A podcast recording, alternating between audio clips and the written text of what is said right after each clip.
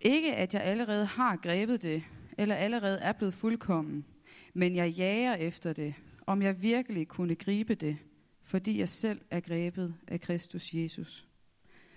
Brødre, jeg mener ikke om mig selv, at jeg allerede har grebet det. Men det det ene gør jeg. Jeg glemmer, hvad der ligger bagud, og strækker mig frem mod det, der ligger forud. Jeg jager mod målet efter sejrsprisen, som Gud fra himlen kalder os til i Kristus Jesus. Således skal vi tænke, vi der er fuldkommende, og tænker I anderledes på noget punkt, så vil Gud åbenbare også det for jer. Blot skal vi blive i det spor, vi er kommet ind på.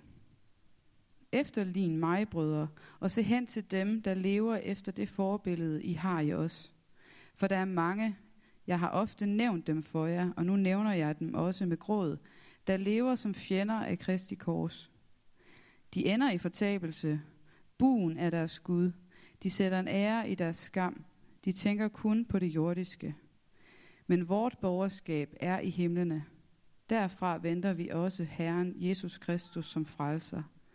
Han skal forvandle vort fornedrede læme og give det skikkelse, som, han, som hans herliggjorte læme, med den kraft, hvormed han kan underlægge sig alt. Amen. Som nævnt, så er det øh, den lidt mere undervisende søndag, eller karakteren af den her søndag, og det øh, kommer også på den måde til at, at forme prædiken, så det bliver på den måde lidt mere undervisende, og alligevel håber jeg også forkyndende. Vi vil gerne give plads til, efter prædiken, øh, at man kan stille, øh, stille spørgsmål til prædiken. Øh, Ingeborg, hun vil komme øh, rundt med mikrofonen, så hvis du nu tænker undervejs, det der, det kunne egentlig være interessant lige at høre lidt mere uddybet, eller der var noget, du ikke kom ind på, og det har jeg måske lige brug for at høre, så er der sikkert også nogle andre, der har det. Så, øh, så kom frimodigt frem, og lad os bruge de øh, minutter, vi øh, giver plads til efter prædiken, også til på den måde kan, kan dele budskabet med hinanden. Vi vil bede sammen.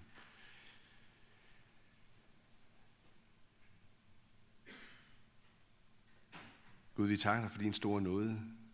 Tak, at du har tænkt frelses planer og tanker for os, fra før verden blev grundlagt. Tak, at det ikke er tilfældigt, hvad der sker, når du handler.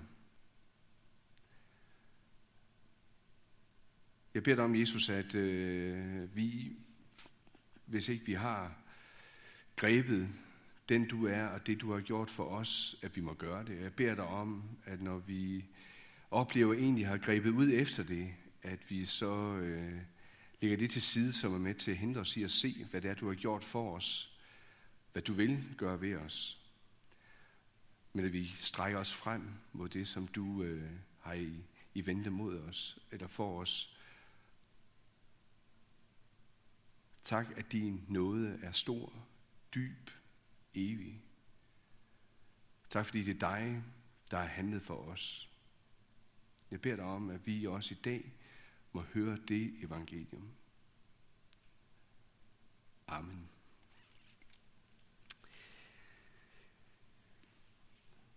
30. oktober 2016. Jeg blev mindet om tidligere i dag, at vi skal lære at være en kirke, der også indrømmer vores fejl, når vi begår dem lige før gudstjenesten stod 2017, fordi jeg allerede var langt frem i mine øh, planer og tanker, da jeg forberedte prædiken her. Fordi i morgen er det netop ikke 500 år siden, der satte en dato på reformationen. Det er først i 2017, og der er det store årstal, så står der 500 år i stedet for. Jeg glæder mig meget til næste år.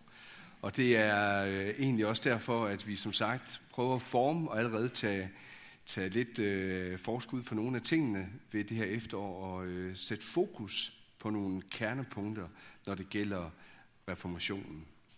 For de her tre temaer, som vi har sat på, der, jeg ved godt, der findes nogle andre af de her alene ord.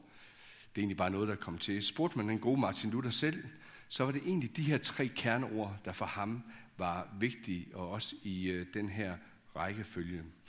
Når jeg kursiverede noget alene, så er det altså ikke, fordi den er vigtigere i den forstand, men det er, fordi det er der, vi er nu her i dag. Det, der egentlig var vigtigt, og på den måde, man kan sige, der er et reformatorisk anlæggende, som for mig at se er noget af det bedste igennem 500 år snart, der er glædet igennem, det er ordet alene.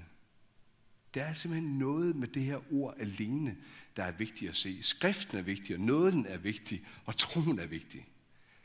Og som sagt, egentlig også i den rækkefølge. Fordi skal vi vide noget om, hvad det er Gud han har gjort for os, jamen så må vi øh, kunne gå et sted hen og se det for vores øjne. Slå op i skriften, se hvem han er, se hvilke løfter han har givet, se hvad det er for liv, han viser os, som han gerne vil række, og se hvad frelsen rummer, se hvad det er for liv, han kalder os til at leve.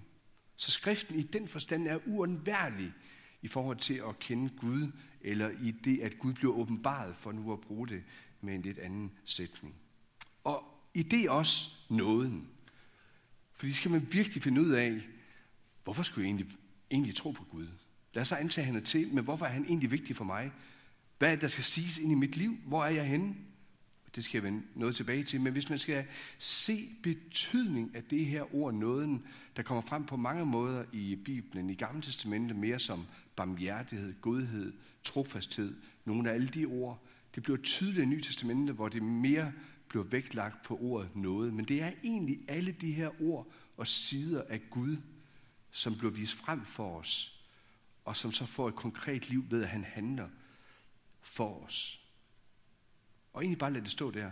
Egentlig lidt ligesom vi gør nu. Sidder ned og bare ser for os, hvad er det, der egentlig sker. Og så egentlig bare slut til sidst, som Paulus også gør det. Noget med at gribe det. Jeg har grebet af Kristus Jesus, fordi jeg ser alt, hvad han har gjort, og så har han grebet mig. Det var sådan, Ingeborg begyndte med at læse det. Troen alene, det er så at sige der, hvor det får et, et, et nedslag i mit liv. At også selv ved det, jeg møder i Guds ord, det at høre budskaber, budskaber om, hvad han har gjort for mig, ja, det er så at sige får et, et liv i mig. Ved at troen, den blev givet til mig, ved at jeg rækker ud og tænker, ja, lad det her være det, der virker i, i, i mit liv. Lad det her være det budskab, der skal siges om mit liv. For jeg kan ikke leve uden Gud, jeg kan ikke leve uden om hans nåde. Og så er der et liv, der begynder at fødes, vokser, modnes, fordi jeg går ind på en, en vandring. Jeg er på vej hjem mod Gud, jeg er på vej hjem mod min, min far. Den her del, den tror jeg, Daniel for en måned siden var godt inde på. Men ind i alt det her, der er der altså det her ord alene. Fordi hvis man begynder at se på, jamen hvis nu skriften skal forstås rigtigt, så er den vel betinget af min tolkning, måske først og fremmest. Det er der, hvor vi måske landede i dag. Men var det også på en anden måde på Luthers tid, og sådan har det egentlig været, hvis man bare tog hver eneste 100 år hele vejen op, så har det altid spillet en rolle, at vi mennesker gerne vil gøre os næsten klogere end Gud. Eller nåden alene. Hvad Gud han har gjort, hvad det virker. Skal der ikke noget mere til? Kan man virkelig sige, at der kun er frelse ved Jesus alene? Det er jo virkelig en provokerende sætning midt ind i os i vores tid, midt ind i mange forskellige religioner. Men det Gud siger om, hvem Jesus er, hvad han har gjort, og jeg må gribe og hvile det og sige, ja, jeg kan ikke bidrage med mere her. Jeg kan ikke gøre noget, så det bliver bedre. Det er nok. Og bare lad det stå der. Eller troen alene. Det er måske her nogle gange, der er kommet det fejlgreb, at øh, i en Luthers sammenhæng, der har man haft sådan en foragt for gerninger og det praktiske liv, kærlighedens liv, fordi gerninger, frelser jo ikke gerninger, det blev nærmest sådan skubbet ud som sådan noget perifært, så er man gået galt i byen. Det er sådan set ikke det, der er pointen med at fremhæve troen alene i forhold til Gud. For alt det andet der, det kalder Gud mig faktisk til at gøre i det liv, der gælder, når jeg skal leve det sammen med mennesker. Leve det til hans ære. Men i forhold til om at være for hans ansigt, som hans ven, som hans barn, der er det at gribe i tro om det, Jesus har gjort. Det er nok.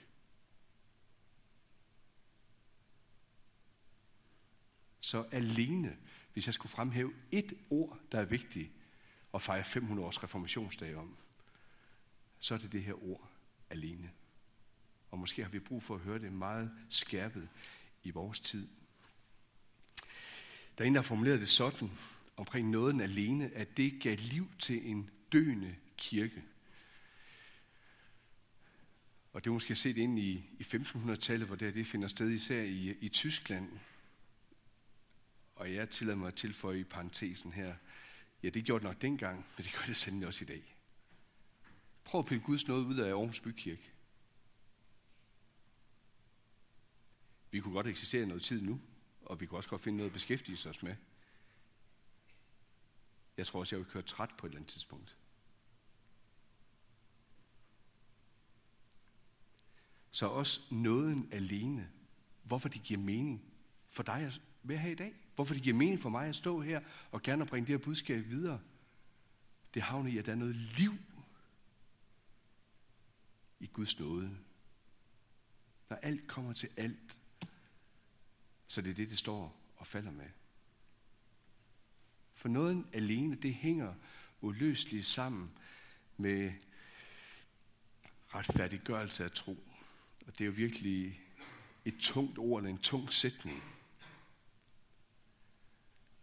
I skal nok komme til at høre den mange gange næste år, for det er jo virkelig kernesætning, når det gælder det, det lutherske. Men når jeg alligevel vil trække den frem her og lade den stå så tung, som den egentlig er med retfærdiggørelse af tro, så handler netop nåden alene om, hvad er det, der bliver sagt om mig, eller kan siges til mig, så at se, uden at jeg blander mig? Det billede, der bliver brugt jo både i, i Nye Testament hos Paulus og flere steder også hos de her gode gamle gubber, Luther og andre, det er det her billede fra retssalen. Der sidder man også nogle gange netop på anklagebænken.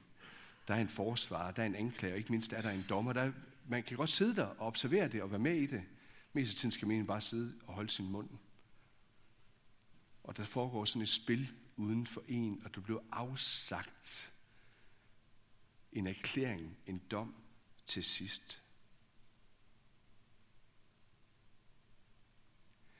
Og hvis man i Guds verden skal kunne være foran ham, som jeg nævnte det før, som hans ven, som hans barn, ja, så kan jeg ikke stå der og bare føre min egen sag, og så komme med en lang liste om, hvorfor jeg har fortjent det, hvor godt jeg har at bibringe ind, hvor meget det vil gøre Gud ked af at ikke have fællesskab med mig, for jeg er jo egentlig et flink menneske.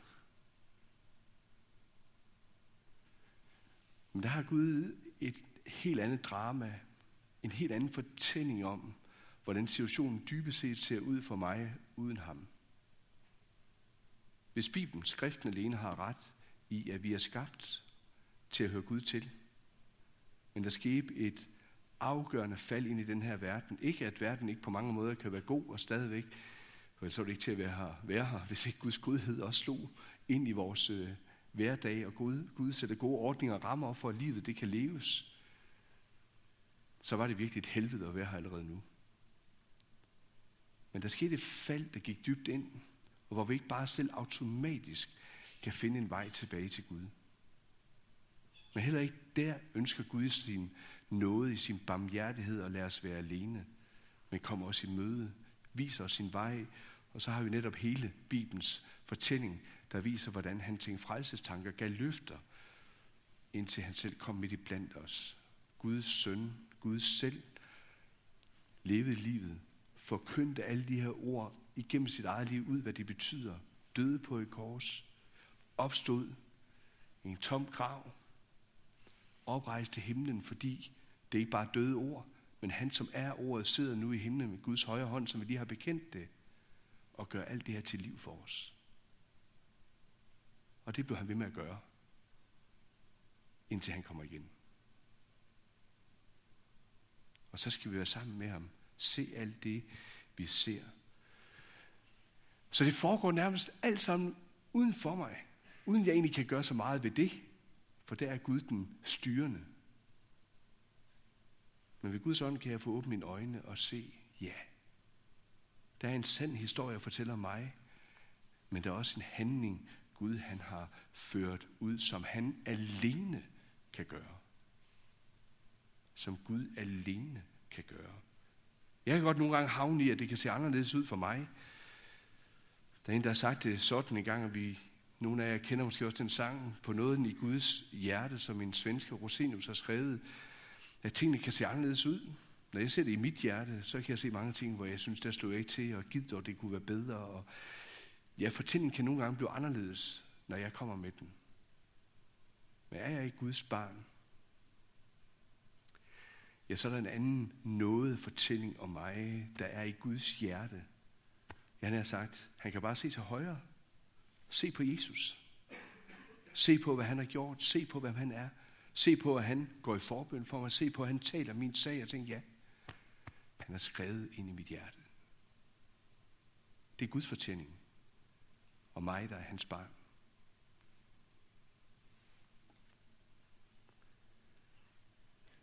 For at kan komme dertil, der er der en, en forudsætning, og der kunne siges meget her. Men jeg tænker, at en vigtig ting at have for øje her, det er at se dybden netop i nåden alene. Jeg tror, der hvor det nogle gange kan være svært, det er, at man egentlig ikke vil gøre sig så afmægtig, eller så at sige, så afhængig af, at man virkelig har brug for, at Gud gør alt for mig. Det er noget, det vi mennesker har så svært ved. Det er at give slip på det hele. Slip hele kontrollen, sige, det er også rigtigt. Der er faktisk ikke noget, jeg kan gøre her selv. Det er jo ikke nederlag. Har du tænkt på det? Det at tro på Jesus og bede ham om at frelse dig, det er faktisk et af de største nederlag, man kan komme til som menneske. Fordi det betyder faktisk, at man siger, ja, hele mit liv, min identitet, den kan jeg faktisk ikke bære selv igennem livet, heller ikke ind i evigheden. I den forstand kan jeg godt forstå, at der er nogen, der tænker, at kristne mennesker, det må egentlig være svage mennesker. Eller kristne mennesker, de skal have noget at støtte sig til, og ikke rigtig kan klare livet uden det, og der kan være mange andre fortællinger. For på en måde er det jo rigtigt. Måske ikke så naivt eller blindt, som det nogle gange bliver udlagt, men der er noget rigtigt i det at vende om til Jesus og give fortabt, for ikke at gå evigt fortabt. Det er jo at holde en dom over sig selv, der ikke er så behagelig, og sige, det er også rigtigt, Jesus. Jeg kan ikke klare livet uden dig. Når jeg læser, hvad der står i Bibelen om, hvad jeg egentlig skal leve op til, hvor meget jeg egentlig skal gøre, hvad Gud han kræver af mig, jeg giver fortabt.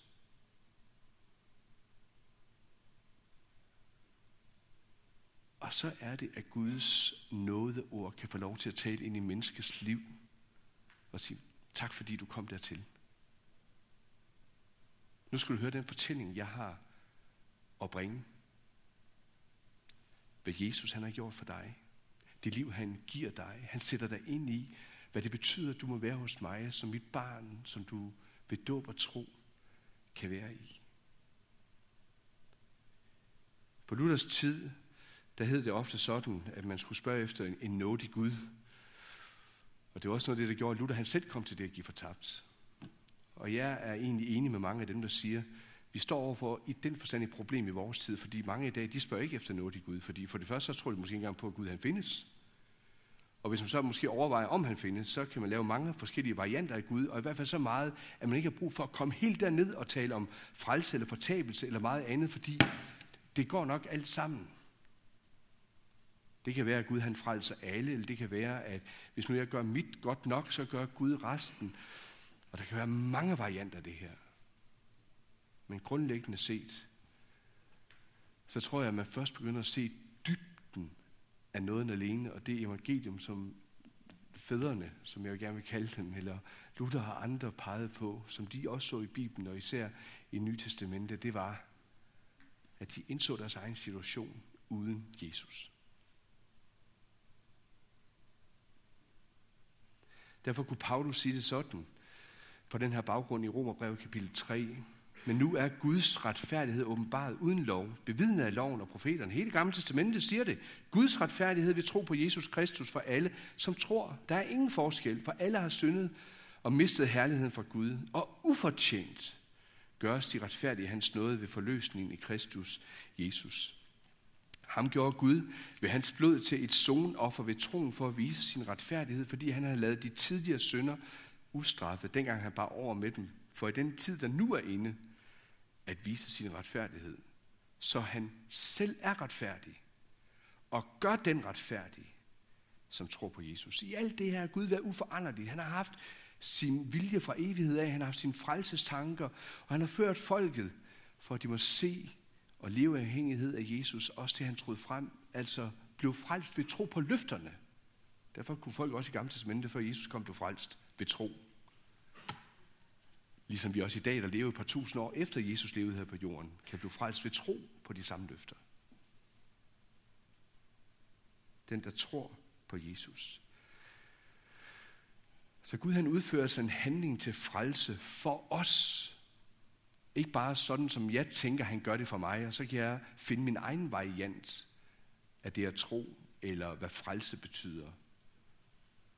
Nej, det er Gud, der gør det for os.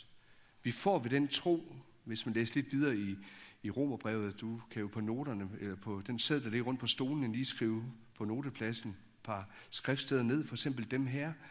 Gå hjem og læs videre, hvordan Paulus, blandt andet i Romerne 5, taler om, at vi ved den tro har fået adgang ind til Guds trone. Man går derind. Vi var fjender af Gud. Vi blev forligt med ham. Vi fik fred. Og derhen i 6, 10-11 taler om, at sådan må I nu se på jer selv, hvordan Jesus han er for Guds ansigt, sådan lever vi nu også for Guds ansigt. Fra at stå derude, uden Gud, og så blev ført helt ind for en Guds trone, for en Guds ansigt. Sådan må du se på dit liv hver eneste dag. Jeg ved ikke, om du tænker sådan, når du begynder en ny dag. Også sådan i dag, i at leve i tro på Kristus, i nådens fortegn, lever jeg for Guds ansigt som hans barn. Uafhængig af, hvad skidt jeg ellers må gøre i løbet af en dag. Der er jeg. Og derfor havde Jesus også den mission, som han sendte sine disciple ud på, også efter sin opstandelse, hvor de møder ham, hvor han taler om, blandt andet sidst i Lukas evangeliet, at i hans navn, altså i Jesu navn, der skal der prædikes omvendelse og bod, altså det man med et, et, et ord kunne sige loven, altså det, der afslører, hvor menneske er hen i forhold til Gud. Til syndernes forladelse. Det stærke evangelium, Gud han gerne vil, at der må lyde for et hvert menneske. Det skal ske for alle folkeslag. Os, os danskere. Og det skete også for en tusind år siden. At det budskab kom her til Danmark.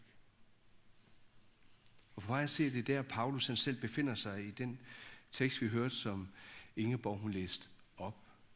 Han kunne også komme med en lang ramse, hvordan han har fortjent til at være et, Gud, et godt Guds barn. Han har godt også gjort meget forkert, men han kunne prale med mange ting, indtil det hele det bare blev lagt til side, når han mødte Jesus, og så blegnede det hele. Det var nærmest som affald. Og så nu lever han i det her forhold ind for en Guds ansigt. Er der, ved hvem Jesus er, ved hvad Jesus har grebet ind i hans liv. Og så siger han, jeg har godt nok ikke grebet det helt, og så alligevel så er jeg på vej til at gribe det. Jeg stræber efter det. Jeg glemmer, hvad der ligger bagud. Det må du også, når du har bekendt din synd for Gud, og som vi startede gudstjenesten med, mødt syndernes forladelse. Så glem, hvad der skete før kl. 15.30. Nu strækker jeg mig for ud mod det, der ligger foran. Og bliver i det spor. Blot skal vi blive i det spor, vi kom ind på. Så det er at kende Guds nåde, ved tro, leve i Guds nåde, det er stadigvæk en vandring at være i, hvor jeg får lov til at se og opleve og møde mere af Guds nåde. For mennesker har brug for Guds nåde, og Gud ønsker at være nådig mod alle mennesker. Derfor er evangeliet for alle. Derfor kom Jesus og døde for alle, også selvom det ikke var alle, der tog imod ham. I den forstand er alle mennesker udvalgt i Jesus. Alle mennesker er ikke Guds børn automatisk. De er nok Guds skabninger, og Gud har kærlighed til sine skabninger. Men ved dåb og tro og tilhører Jesus, der bliver et menneske i Guds barn. Og netop i det at tro på ham, ligger der også den udvælgelse i at høre Gud til. Det siges tydeligt til os i ordet. Det siges tydeligt til os i dåben. I nadvånden. Og derfor er hverken ordet eller sakramenterne bare nogle tomme tegn, men noget, der rummer liv i sig selv, og som knytter sig til det ord, Gud han har givet, de løfter, han giver. Så når vi lidt senere ved den her gudstjeneste hører løfter om, at Gud han giver os i nadvånden, hvem Jesus selv er, når han kommer til os, er det ikke bare tomme tegn og noget, vi leger. Men de ord, vi hører, de løfter, der gives os, skaber den virkelighed, som det er.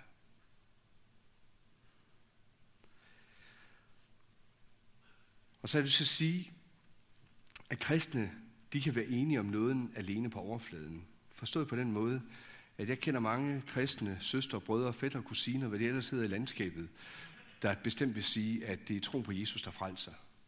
Og så kan man altid diskutere dåb og alle mulige andre ting, men det er tro på Jesus, der frelser. Og ja, det tror jeg faktisk, vi kan blive enige om langt hen ad vejen. Derfor er vi også med i Evangelisk Alliance og flere andre ting, og jeg skal bestemt ikke fratage kristennavnet på nogle af de gode troende brødre og søstre. Jeg har alligevel lyst til at sige en idé. Under den overflade, hvor vi siger, at det er noget alene, der frelser, der er der virkelig store forskelle på, hvad det så rent faktisk betyder. Jeg ved ikke, om I kender det der med, at man godt kan være enig med en, og man synes også, for at være flink, så kan vi komme langt hen ad vejen ved at bruge de samme ord. Men begynder man lige at komme lidt, lidt ned i dybden, så ser man alligevel også forskelligt på, på nogle ting. Som alligevel lige pludselig viser sig, at de godt kan have indflydelse på en række andre ting, der gør, så enige var vi måske heller ikke alligevel. Og sådan for mig at se, hænger det også sammen, når det gælder noget alene. Derfor vil jeg stadigvæk gerne anerkende dem som mine kristne søstre og brødre. Men det får også nogle gange indflydelse på, om for eksempel mennesket er skabt som en sønder, eller er født ind i den her verden som en sønder, eller om det først er noget, der sker med tiden. Eller om det at tro på Jesus er noget, jeg må modnes til med min egen bekendelse og tro, og når jeg så er kommet dertil, at jeg kan aflægge den trosbekendelse, så kan jeg også lade mig døbe. Der er mange ting, der kommer til at blive vendt op og ned på tingene.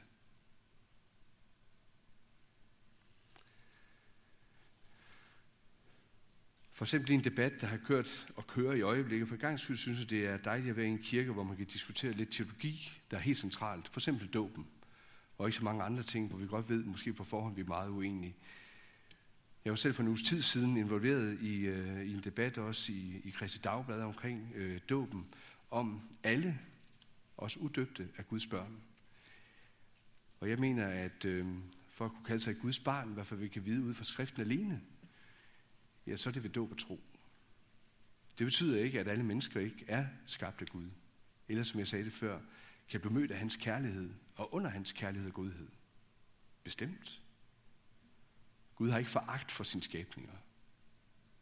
Men det er ikke det samme som, at alle, uanset hvad, er et Guds barn. For hvis jeg skulle sige ja til det, så er jeg også nødt til at sige noget andet om nåden alene, om alt det, Jesus har gjort, alle de ord, han selv har sagt om, hvad det betyder, at han kom til verden, han døde og opstod for os.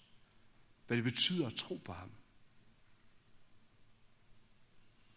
Som en, der har sagt det, Gud handler med os udvendigt først. Derfor tror jeg på, at dåben er vigtig. Når vi også døber her, om det er voksne eller børn, så sker der noget med os udvendigt først.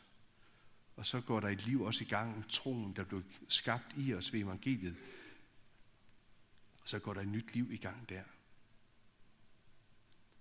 Der var det godt også med Valutas på det punkt at være konkret, fysisk. At Gud knytter til noget, der ikke bare svæver et eller andet sted. Det sker, ligesom når vi modtager en nadvånd. Han handler, så vi ser det. Og så er der liv, der vokser sig frem i det. Så derfor til sidst, når det gælder frelsen, ja, så gælder kun nåden i Kristus og hvad han har gjort for mig alene. Og så kaldes jeg til at leve et liv i det. Leve der med en god samvittighed. Jeg tænker nogle gange, det er et af de stærkeste udtryk, jeg nogle gange kan bruge om mig selv, fordi jeg ved godt, jeg gør ikke alt rigtigt. Og der er mange, der påpeger fejl ved mig, og der er mange ting, jeg ikke har forbedret mig omkring. Men for Gud,